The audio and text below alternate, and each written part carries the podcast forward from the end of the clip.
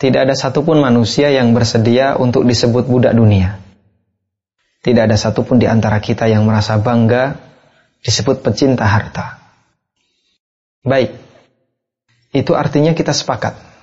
Status budak dunia atau pecinta harta adalah label yang buruk bagi kita. Sehingga kita mengupayakan pembelaan diri ketika ada orang yang menyebut kita dengan label itu. Akan tetapi tidak salah ketika Anda merenungkan beberapa karakter yang itu merupakan ciri pecinta dunia. Barangkali salah satu dari sekian karakter itu ada pada diri saya dan Anda. Anda selalu berpikir setiap waktu bagaimana caranya agar harta Anda semakin bertambah. Anda merasa sangat bahagia ketika Anda berhasil menggapai cita-cita dunia. Anda sangat ambisi dalam mengejar karir Anda. Anda merasa sangat tertantang ketika ada teman atau tetangga yang lebih sukses secara materi, Anda selalu membayangkan bagaimana rasanya jadi orang kaya atau lebih kaya. Anda merasa tertekan manakala Anda gagal meraih apa yang Anda inginkan. Anda merasa sangat sedih dan menyesal ketika ada salah satu harta Anda yang hilang. Anda merencanakan kehidupan hingga terlalu jauh ke depan. Anda lebih pusing memikirkan pekerjaan daripada memikirkan tumpukan dosa yang terus bertambah. Anda tidak merasa bersalah saat melakukan dosa kecil. Bahkan Anda ingin anak Anda sukses dari sisi materi dan dunia dan bisa menjadi sumber penghasilan bagi Anda di usia tua. Anda juga menilai orang lain berdasarkan status sosial dan dunianya. Dalam masalah ibadah, Anda tidak bersiap-siap saat waktu sholat akan tiba. Anda melalui hari ini tanpa sedikit pun membuka lembaran Al-Quran. Karena Anda terlalu sibuk. Kajian Islam bagi Anda hanyalah aktivitas pengisi waktu luang di tengah kesibukan karir Anda. Anda selalu ingin menjadi pusat perhatian banyak orang. Anda sangat perhatian dengan omongan orang lain tentang diri Anda. Anda terlalu sibuk memikirkan bagaimana bisa memiliki tubuh yang ideal. Anda lebih khusyuk ketika berdoa meminta dunia daripada berdoa meminta surga. Anda jejali doa Anda untuk meminta kesejahteraan dunia daripada kesejahteraan akhirat.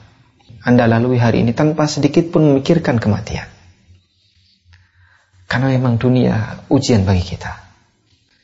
Nabi Shallallahu Alaihi Wasallam bersabda, Inna likulli ummatin fitnah, wa fitnatu ummati al-mal. Setiap umat memiliki ujian. Dan ujian bagi umatku adalah harta. اعلموا أنما الحياة الدنيا لعب وله وزينة وتفاخر بينكم وتكاثر في الأموال والأولاد كمثل غيث أعجب الكفار نباته ثم يهيج فتراه مصفرا ثم يكون حطاما وفي الآخرة عذاب شديد ومغفرة من الله ورضوان وما الحياة الدنيا إلا متاع الغرور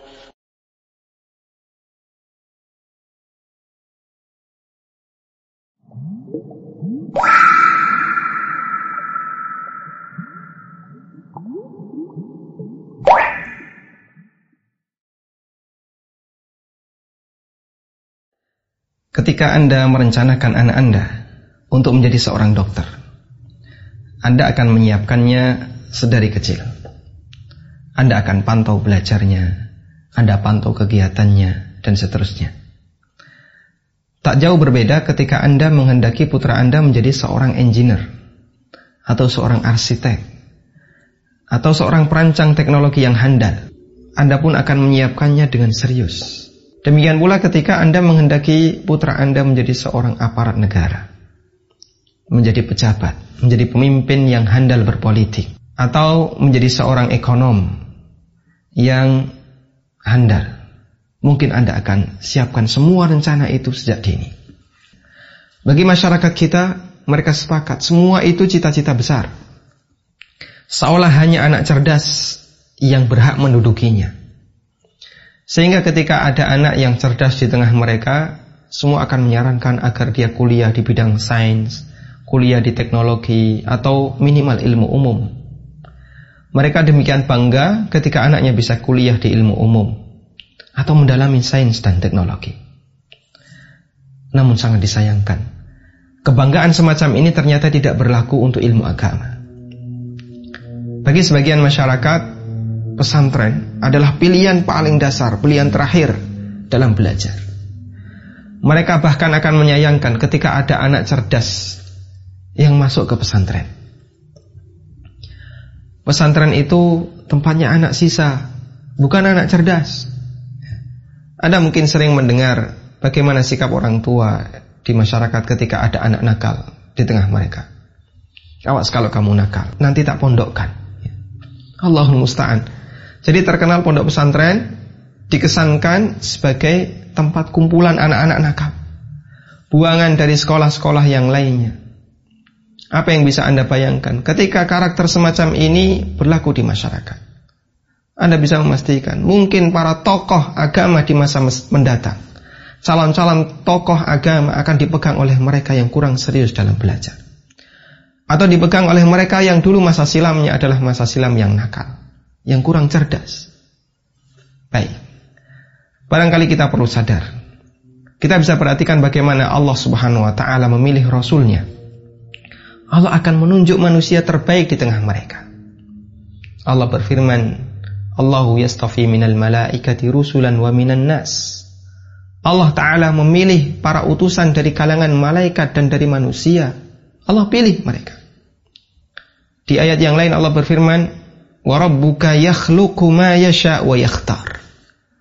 Rabbmu menciptakan apa saja yang dia kehendaki dan mem, dia memilihnya sesuai yang, yang dia kehendaki. Tentu saja untuk urusan risalah Allah akan pilih yang terbaik.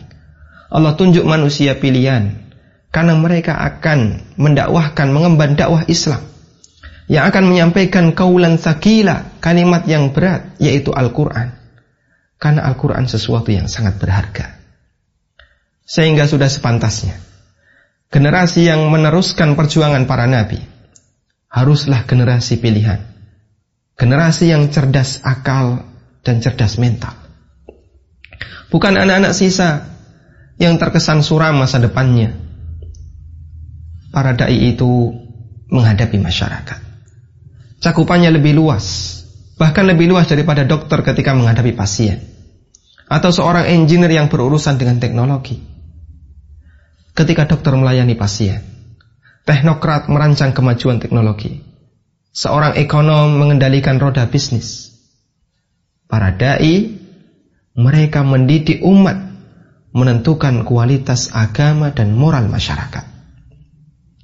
Sekali lagi, berikan perhatian untuk calon pendidik umat di masa mendatang. Arahkan anak cerdas untuk akhirat, bukan semata menekuni ilmu dunia.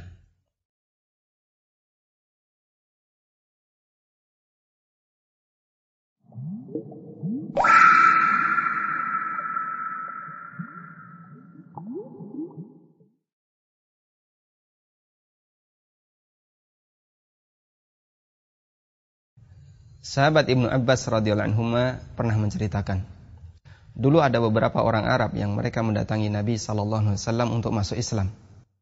Setelah mereka pulang ke kampungnya, mereka akan memperhatikan apakah setelah masuk Islam penghasilan mereka akan bertambah ataukah justru sebaliknya mereka akan berkurang. Jika setelah masuk Islam mereka lebih sering mendapatkan hujan, panen mereka bertambah, ternak semakin banyak, kemudian banyak anak laki-laki yang lahir, maka mereka akan berkomentar, "Inna dinana hadza la salihun, fatamassaku bihi." Agama kita yang baru ini sangat bagus. Terus istiqomah untuk berpegang dengannya. Sebaliknya, ketika mereka pulang dan justru mengalami musim paceklik, jarang hujan, ternak tidak menghasilkan banyak anak, maka mereka akan berkomentar, "Ma fi dinina hadza khairun." Agama kita yang baru ini tidak ada sisi baiknya.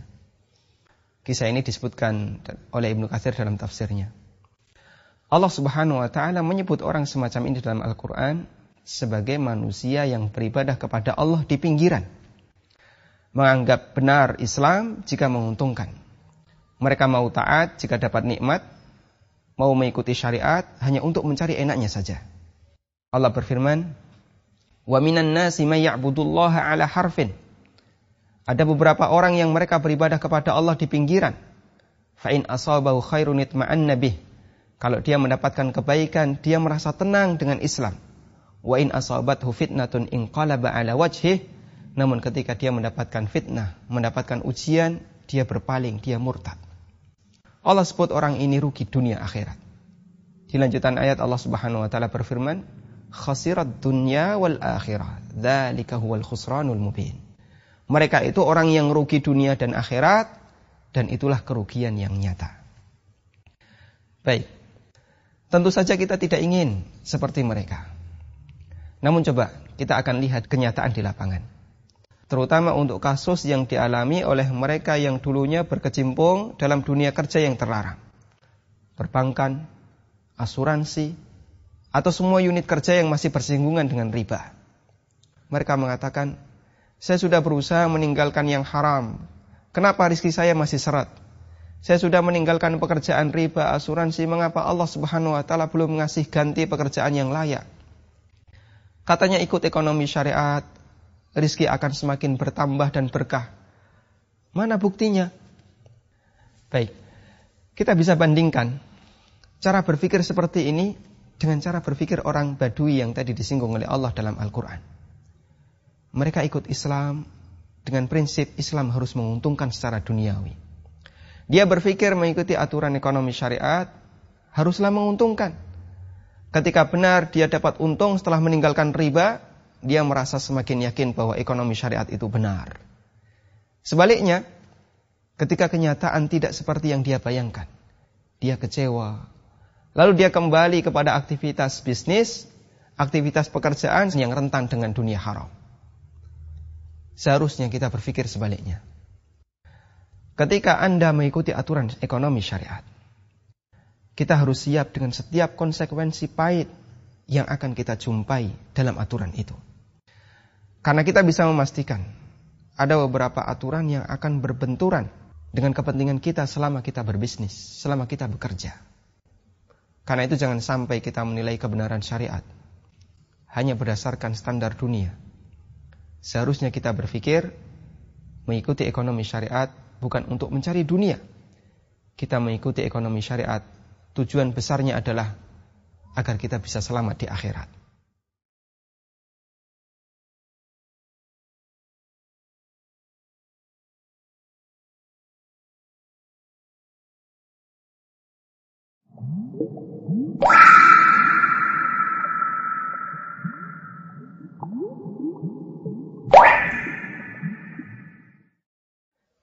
Sebagai orang yang mencintai Nabi Sallallahu Alaihi Wasallam, kita selalu ingin meniru sunnah beliau.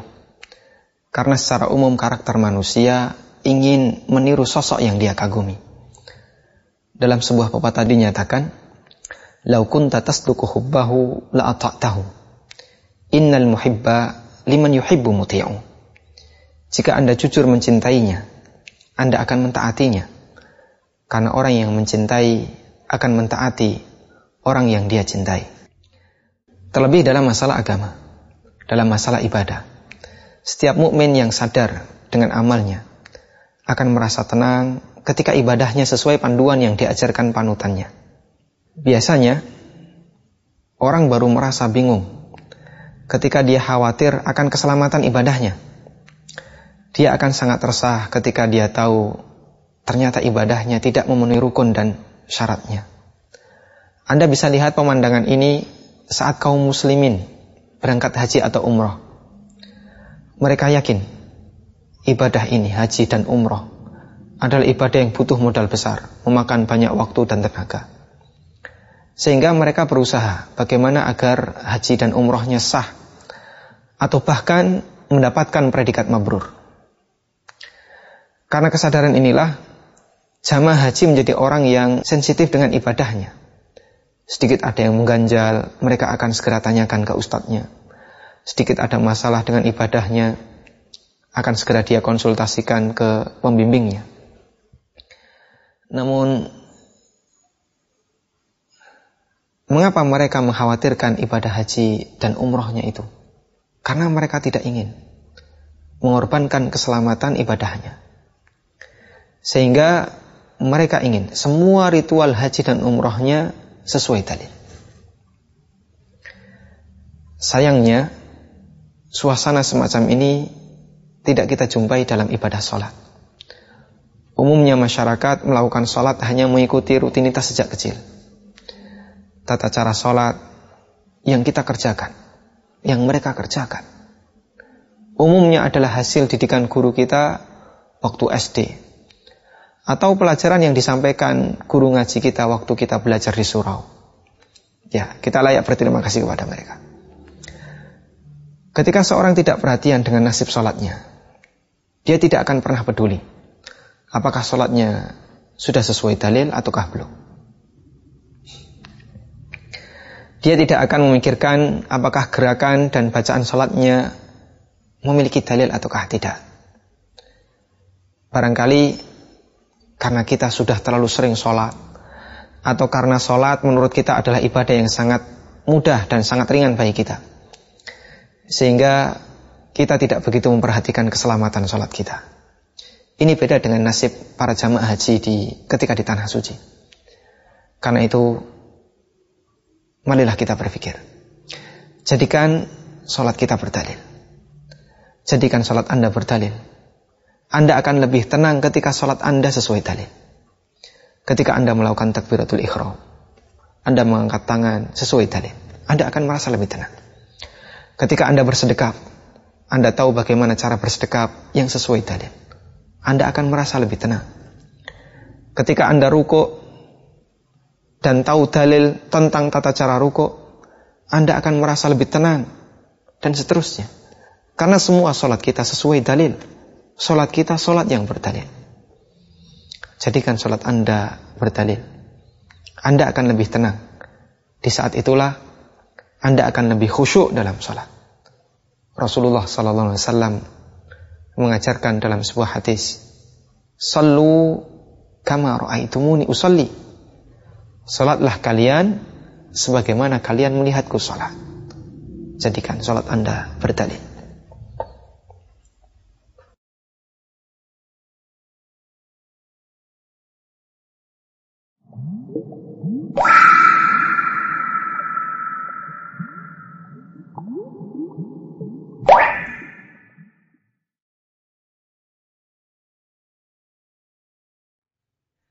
Mari sejenak kita membaca bagaimana kesederhanaan Nabi Sallallahu Alaihi Wasallam dalam urusan makan. Di antara kebiasaan Nabi Sallallahu Alaihi Wasallam, seusai sholat subuh, beliau tidak langsung pulang. Namun beliau berzikir hingga terbit matahari. Baru setelah itu Nabi Sallallahu Alaihi Wasallam pulang dan menemui istrinya. Kita akan simak bagaimana penuturan Ummul Mukminin Aisyah radhiyallahu anha Beliau pernah menceritakan, suatu ketika Nabi Shallallahu Alaihi Wasallam pernah menemuiku. Kemudian beliau bertanya, Hal indakum syai' Apakah kalian memiliki sesuatu untuk sarapan, untuk dimakan? Masya Allah, pertanyaan yang sangat sederhana. Apakah Anda, apakah kalian memiliki sesuatu untuk sarapan? Hanya sesuatu.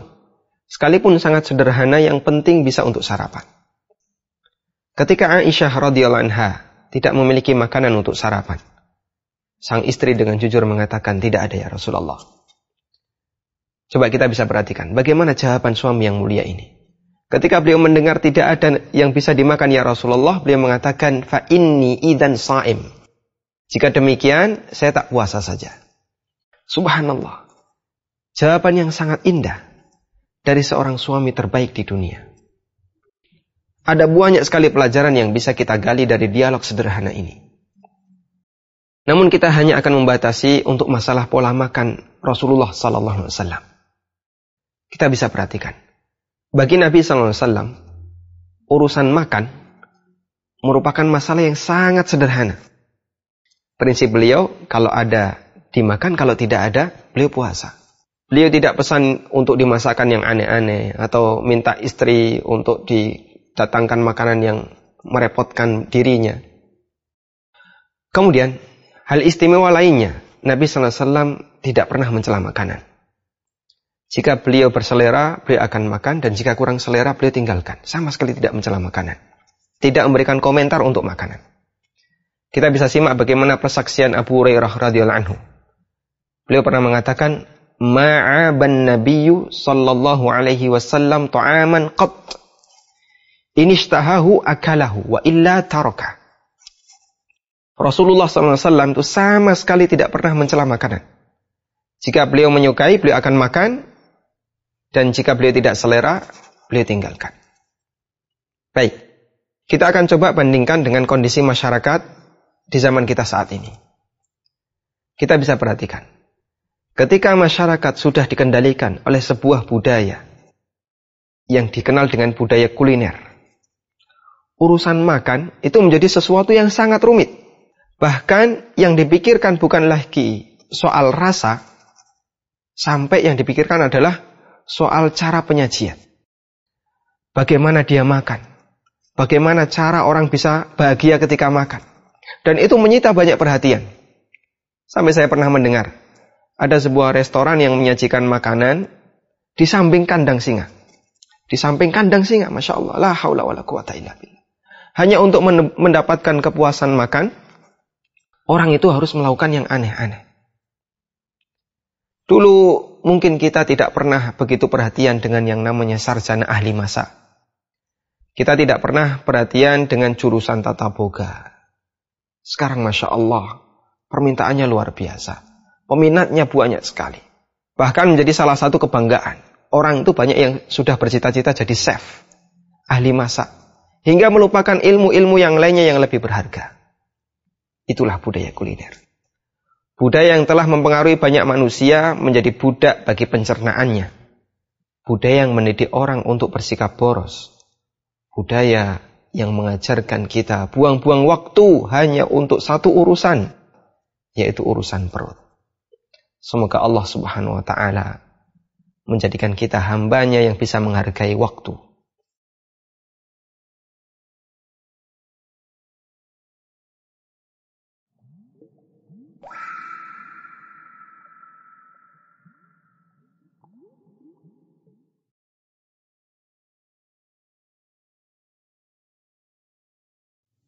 Salah satu di antara kebiasaan Nabi Sallallahu Alaihi Wasallam ketika beliau melihat mendung yang sangat gelap, pertanda akan datang hujan. Yang dilakukan oleh Rasulullah Sallallahu Alaihi Wasallam, beliau selalu merasa takut kepada Allah Subhanahu Wa Taala. Disebutkan dalam hadis yang diriatkan oleh Imam Ahmad dari Aisyah radhiyallahu anha, beliau mengatakan, "Kana idza ra'a nashi'an fi ufukin taraka 'amalahu wa in kana fi salatin." Rasulullah SAW ketika melihat sesuatu yang menakutkan di langit, mendung yang sangat gelap, boleh tinggalkan semua aktivitasnya. Sampai pun ketika beliau sedang sholat. Dalam riwayat Bukhari Muslim, Aisyah juga menceritakan, Ida takhayyalatis sama taghayyara. Apabila ada mendung gelap di atas, maka roman muka Nabi SAW berubah. Terlihat seperti orang yang sangat ketakutan. Beliau keluar masuk rumah, datang pergi. Fa'idha matarat surya anhu. Namun ketika hujan turun, barulah kelihatan wajah gembira di muka Rasulullah sallallahu alaihi wasallam. Kata Aisyah, "Araftu dzalika fi wajhihi." Saya tahu itu karena melihat wajah Nabi sallallahu alaihi wasallam. Aisyah merasa keheranan dengan sikap Nabi sallallahu alaihi wasallam ini. Ketika mendung di saat banyak sahabat merasa bahagia, merasa gembira, Rasulullah sallallahu alaihi wasallam justru merasa sangat takut kepada Allah Subhanahu wa taala. Ketika Aisyah bertanya kepada beliau, ya Rasulullah, Anda memiliki sikap yang aneh. Di saat mendung gelap, kenapa Anda takut kepada Allah Subhanahu wa taala? Apa jawab Nabi sallallahu alaihi wasallam? La'allahu ya Aisyah kama qala qaum 'adin falamma ra'awhu 'aridan mustaqbila awdiyatihim qalu hadha 'aridun mumtiruna. Wahai Aisyah, Mungkin ini seperti yang pernah Allah ceritakan tentang kaum Ad. Kaum Ad dihukum oleh Allah Subhanahu wa taala dibinasakan oleh Allah Subhanahu wa taala dengan Allah turunkan hujan yang sangat lebat, angin yang sangat dingin sampai mereka semuanya mati karena kekufuran mereka. Dan mukaddimahnya, pengantarnya adalah datangnya mendung yang sangat gelap di atas mereka. Allah ceritakan, "Falamma ra'auhu 'aridan mustaqbila audiyatihim." Ketika kaum Ad melihat 'aridan, awan yang sangat gelap, mustaqbila audiyatihim, mulai datang mendekati lembah mereka, tempat tinggal mereka, qalu mereka hanya berkomentar, "Hadza 'aridun mumtiruna." Ini adalah mendung yang sebentar lagi akan membawa hujan bagi kami. Artinya sama sekali tidak ada perasaan takut dalam diri mereka. Ini berbeda dengan kebiasaan Nabi SAW. Coba kita bandingkan antara kondisi orang musyrikin dengan kebiasaan Rasulullah SAW. Ketika Nabi SAW melihat suasana langit yang gelap, yang menakutkan, yang terjadi Rasulullah SAW takut kepada Allah Subhanahu Wa Taala. Karena beliau khawatir jangan-jangan ini adalah mukaddimah adab untuk umatnya. Berbeda dengan orang musyrik. Orang musyrik melihat suasana semacam itu sama sekali tidak ada perasaan takut kepada Allah Subhanahu wa taala. Sehingga yang terjadi mereka hanya komentar, sebentar lagi turun hujan. Ada sesuatu yang lebih mengherankan lagi. Jika kita saksikan, banyak masyarakat di tengah kita, ketika mereka melihat peristiwa alam dan fenomena alam yang menakutkan, yang terjadi bukan yang mereka takut kepada Allah Subhanahu wa taala, namun yang terjadi adalah mereka akan mengeluarkan HP mereka, mereka mengeluarkan kamera mereka, kemudian potret sana, potret sini, bahkan selfie di depan peristiwa yang menakutkan tadi. Mungkin kita masih sering melihat ada orang yang selfie dengan background angin lesus, dengan background puting beliung, dengan background apa misalnya kilat yang menyambar, dengan background suasana-suasana yang menakutkan. Seolah itu sesuatu yang membanggakan. Yang kita pahami, mereka tidak takut kepada Allah Subhanahu wa taala. Maka bandingkan tradisi mereka dengan tradisi orang musyrik dengan tradisi Rasulullah sallallahu alaihi wasallam. Melihat fenomena alam, Rasulullah sallallahu alaihi wasallam ingat Allah. Beliau takut kepada Allah Subhanahu wa taala. Berbeda dengan orang di zaman sekarang. Terkadang banyak di antara mereka melihat fenomena alam bukannya takut kepada Allah Subhanahu wa taala, tapi dijadikan sebagai ajang untuk selfie. Padahal kalau kita bandingkan, peluang datangnya adab di masa Nabi Sallallahu Alaihi Wasallam dengan peluang datangnya adab di masa kita jauh lebih besar peluang datangnya adab di masa kita. Di masa beliau banyak orang saleh, bahkan ada Nabi Sallallahu Alaihi Wasallam. Sehingga untuk peluang datangnya adab sangat kecil. Tapi di masa kita, masya Allah, manusia banyak melakukan kemaksiatan. Sehingga peluang datangnya adab bisa jadi lebih besar. Namun suasana hati yang berbeda. Rasulullah SAW semakin takut kepada Allah ketika beliau melihat suasana gelap semacam itu, suasana fenomena alam yang menakutkan. Tapi kita justru malah membanggakan.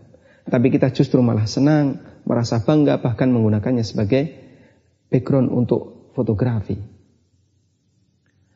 Perlu kita pahami bahwa Allah Subhanahu wa taala menurunkan berbagai macam tanda kekuasaannya, peristiwa-peristiwa besar itu tujuan besarnya adalah agar kita takut kepadanya. Allah berfirman, "Wa ma nursilu bil ayati illa takhwifa." Tidaklah aku mengirimkan ayat-ayat tanda kekuasaanku kecuali untuk menakut-nakuti mereka. Maka tujuan besar Allah ciptakan, Allah tunjukkan kepada kita berbagai macam fenomena alam yang luar biasa adalah agar kita takut kepada penciptanya.